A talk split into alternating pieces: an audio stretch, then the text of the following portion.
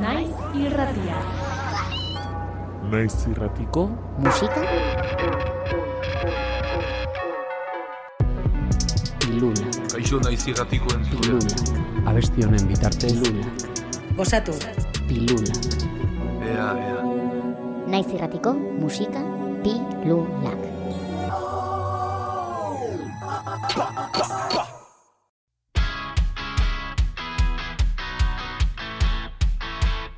Haupa lagunak, Sabi naiz, Zuder taldearen gitar jolea. Eta gaur pixka bat gutaz hitz egingo dizuet, eta bide batez ere aprobetsatuko dut gure bigarren diska, drama barik izenekoa, aurkesteko. Zortzi urteko ibilbidean ateratzen duen bigarren lana du hau Sueder taldeak. 2000 eta amabostean kaleratu zuten bazan ordue, Gernikarrek. Hainbat kolaborazio esanguratsurekin. Besteak beste, Doktor Deseoko Francis Diez, edo gatibuko Aimarra Legita, gitarjolea. Pare bat urteko oparo aldiari, hiru urteko geldialdiak jarraitu zion. Harik eta 2000 eta emeretzian, bigarren disko bat egiteko batu ziren arte. Laukotea hirukote bihurtu da, eta beraz, Xabi Larraintzar, Unai Aldeko zea, eta Ander Uribarriren artean ondu dute lan hau. 2019an berriro elkartu ginen bigarren diska bat eh, grabatzeko helburu argiarekin. Movida eta pandemia mm, hau guztia eh, harrapatu zitzaigun, baina bueno, azkenean lortu dugu aurten eh, bigarren diskoa hori, drama barik izenekoak, eh, grabatzea eta jendearen aurrean aurkeztea.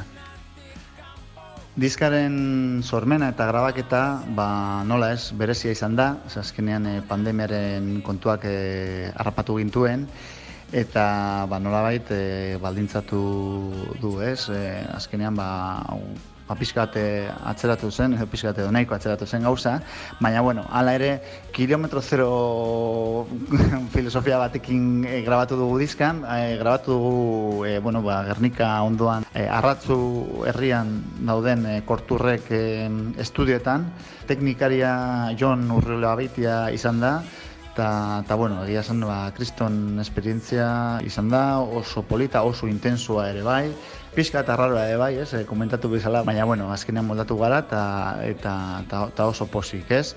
Gero ere beste, bueno, beste gauza bat gertatu zitzaigun eta koldo gure abeslaria zena, konturatu zen bera esela iristen, ze beste proiektu batzutan dago, eta bueno, hori gertatu zitzaigun gutxi gora bera azken momentuan, eta hor geundela zirte do sart, e, Ander bateria joleak e, pauso bat eman zuen aurrera, eta zan zuen, bueno, ba, ba berak probatu nezula kantatzera eta eta bueno, azkenean probatu genuen pizkat eta ikusi genuen ba, ba nahiko nahiko ongi egiten zula eta eta bueno, aurrera, ez, e, jarraitzea era, erabaki genuen. Ez dakigu Gernikaldeko haizeak zerbait berezirik duen. Bertatik ateratzen diren taldeetako askok alaitasun eta positibotasuna transmititzen baitigute, rock doinuen bidez. Suederrek ongi aukeratu du diskoaren izena, zentzu horretan. Drama barik entzuteko musika delako, haiena. Bueno, ba, nik uste dut kostienteki joan garela doinu konkreto batzuk e, bilatzera, joan gara doinu positibo eta talai batzuk bilatzera.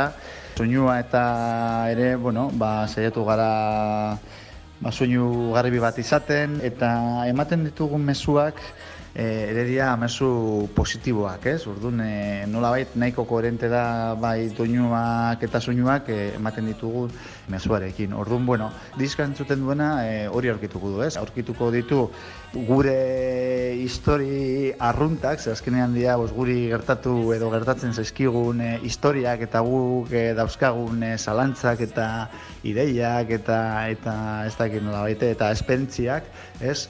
Eta dena lagunduta ba, ba musika batekin nahiko alaia eta errez, errez hartzen dena eta, eta bueno, ba, laguntzen duna ba, ba daukagun mesua, zabatzeko daukagun mesua ba, ba nolabait ba hori ez, barneratzeko eta eta disfrutatzeko. Aipatzekoa da diskoa ez duela oraindik kaleratu taldeak, pandemia medio.